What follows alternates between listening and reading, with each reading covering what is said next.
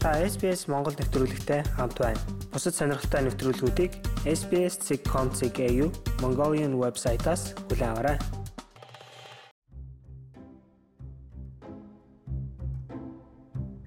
Эрхэм сонсогч та бүхэндээ энэ өдрийн мэндийг хүргье.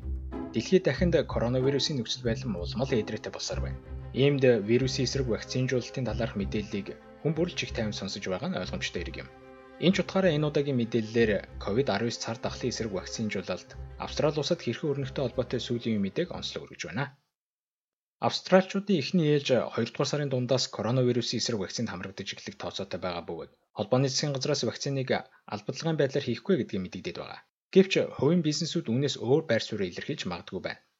Тодорхойлбол өнгөрсөн даваа гарагт шинэ өмнөд Вэс мужийн захирагч Gladys Berejiklian Хувийн бизнесүүд вакцинд хамрагдахаас татгалзсан хүмүүст үйлчлэхгүй байх шийдвэр гаргавал үүнийг нь дэмжинэ гэдгээ мэдэгдээд байна. Миний хувьд хэн нэгнийг ямар нэгэн зүйлд хүчлэх дургүй хэдийч өөрийнх нь бол бусдын аюулгүй байдал яригдж буй үед хүмүүсийг тодорхой алхам хийх зорилгоор түлхэж үзүүлэх зүйл байх ёстой гэж үзэж байна. Энэ бол ирээдүйд болох нь тодорхой хэлцүүлэг юм. Гэвч дахин хэлэхэд тухайн алхмыг хийгээгүй бол ажлаа үргэлжлүүлж чадахгүй байх байсан гэдэг утгаараа хөхүүлэн дэмжиж буй газруудад өшүүргийн системийг бий болгохыг бид хүсэж байгаа. Хүмүүсийг вакцинд хамруулахын тулд засгийн газар болон хувийн бизнесүүд хаа хүртэл явах боломжтой вэ? Ерөнхий сайд Скот Моррисон орон даяар хийгдэх вакцинжуулалтыг албадлагын журмаар хийхгүй гэдгийг мэдэгдээд байгаа ч засгийн газар тэгэх хууль ёсны эрхэм бий гин. Энэ нь ч Австрали улсын хувьд анхны тохиолдол болохгүй гин.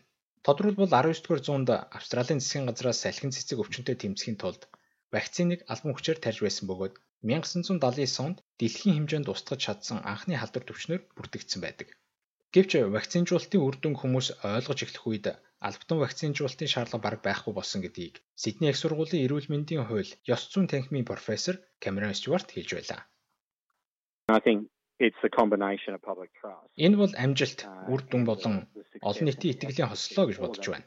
Энэ бүгд тохирсон тохиолдолд албан шаардлагын хөтөлбөрийн хэрэг байхгүй гэсэн үг. Ингэснээр бид 20 дугаар зуун гэхэд албан шаардлагын хөтөлбөрүүдийг байхгүй болгосон. Мэдээж хэрэг 20 дугаар зууны төгсгөлөөс вакцинжуулалтад хамрагдах төвшин маш хурдан буурч гиснийг харж байгаа. Харин одоо албан шаардлагыг сэргээх ёстой юу үгүй юу гэдэг хэлцүүлэг дахин гарч ирлээ. Нийт хүн амын 60-аас 70% нь вакцинжуулалтад хамрагдсан үед л үр дүнтэй хамгаалтын төвшин бий болдгоо гэдгийг бид мэдж байгаа. Тэгвэл засгийн газраас вакцинжуулалтыг албатан шаардахгүй байхаар болбол хангалттай тооны хүмүүст тариулах болов уу? Энэ үед л төр болон бизнес гар нийлэх хэрэгтэй болно. Хэрв ажлын байр, үйлчилгээнүүдэд вакцины зохицуулалт хийгдэж эхэлбэл дархлаажуулалтгүй байх нь боломжгүй зүйл болж эхэлнэ. Энэ төрлийн вакцины шаардлагууд аль хэдийн зарим мэрэгжлүүдээр тавигдах болсон. Тухайлбал зарим эрүүл мэндийн сувилгааны ажилчид жил бүр томоогийн вакцины хийх шаардлагатай бол мал нядалгааны ажилчид малаас хүнд халддаг бактерийн гаралтай ханиадны эсрэг дархлаажуулалтад хамрагдах ёстой байдаг. Өнгөрсөн оны төгсгөлд хэлэхэд Qantas компани олон улсын нисгээр зорчих хүмүүс COVID-19 цар тахлын эсрэг вакцинд хамрагдсан гэсэн баримтаа үзүүлэх шаардлагатай болно гэдгийг тус компаниг гүйцэтгэх захирал Ален Жойс мэдгдсэн билээ. Энэ төрлийн зах зээлийн хөдөлгөгч хүч нь вакцинжуулалт амжилттай төвшөнд хийгдэхэд хангалттай дэмжлэг болно гэдгийг профессор Стюарт хэлж байлаа. Вакцинжуулалтад хүмүүсийг хамруулахын тулд улс орнууд төрийн төмөр нүүрээ үзүүлэхийг хүсэхгүй байж болох талтай.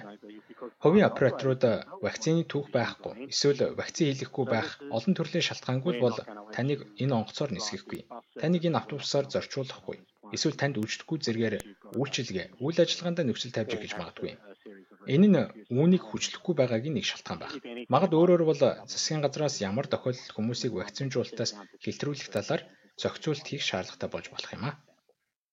Харин бизнесүүдийн хувьд вакцин хийлгэхээс татгалцсан хүмүүст үйлчлэхгүй байх нь хуульд нийцэх болов уу? Ялгарлан гадуурхаагүй бол ихэнх тохиолдолд бизнесүүд үйлчлэгэндээ тодорхой нөхцөл тавих хэрэгтэй гэдгийг үндсэн хуулийн чиглэлээр мэрэгсэн хүмүүсийн нэг болох Monash их сургуулийн дэд профессор Люк Бек хэлж байлаа.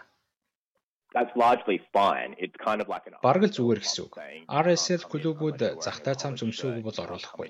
Тавчгтай бол нэвтрүүлэхгүй гэдэгтэй адил хувийн бизнесийн үйлчлэгээ үзүүлэхдээ тавьж буй нөхцөл юм. Ихэнхдээ хувийн бизнесүүд ингэх боломжтой байдаг. Вакцин хийх боломжгүй буюу эрүүл мэндийн болон анагаахын шалтгаантай хүмүүсийн хувьд энэ байдал баг зэрэг төвөгтэй болдог. Учир нь ихэнх мууч нутаг дэвсгэрүүд ялгуурлан гадуурхалтын эсрэг хуультай байдаг нь хувийн бизнесүүд хүмүүсийг тодорхой эрүүл мэндийн шалтгаан дээр нь үндэслэн ялгуурлан гадуурхахаас сэргийлдэг юм.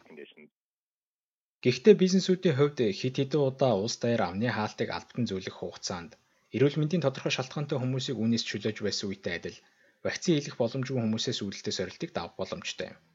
Үүнээс гадна үйлчилгээндээ хязгаарлалт тогтоохоос өмнө вакцинд хамрагдах хүмүүст хангалттай хугацаа өгөх нь сорилт болж магадгүй гэдгийг дэд профессор Бек хэлж байлаа. Амны хаалтыг бол хэн ч гэсэн гараад дэлгүүр ороод авчихна. Гэвч вакцины хувьд зүгээр л хүссэн цагтаа гарч очиод тариулчих боломж бараг байхгүй болов. Тиймээс л вакцинжуултыг эхлүүлэх үе шат гэж байгаа юм. Хүн амд байгаа бүх хүнд вакцин хүртээмжтэй болоход нэлээд хэдэн сар болох болно. Тэгэхээр вакцинд хариулаагүй бол танд үйлчлэхгүй гэдэг дүрм нь онлын үед байж болох ч бодит амьдрал дээр маш олон хүн вакцинд хариулахын тулд нэлээд хэдэн сар хүлээх шаардлагатай байна. Тэгэхээр ихэнх бизнесүүдийн хувьд нэвтрэх шаардлага тавьж эхлэхэд чамгүй хугацаа хэрэгтэй болно. Ирэх сараас эхлэн нийгмийн эмзэг бүлэгт болон тэргийн үгнийнд ажиллаж буй хүмүүст вакцин тарж эхлэх ба үүний дараагаар хүн амд ерөнхийд нь хүрч эхлэх юм. Хэрв та COVID-19 цар тахлын эсрэг эрүүл мэндийн болон тусламжийн арга хэмжээний талаарх мэдээллийг их хэл дээр авахыг хүсвэл SBS.com.cg-ийн ташуу зураас коронавирус гэсэн цахим хуудасаар зочлоорой. Австрали улсад байгаа бусад монголчуудтайгаа холбогдоорой. SBS.com.cg-ийн урагшаа зураас Mongolian хуудасаар зочлоорой.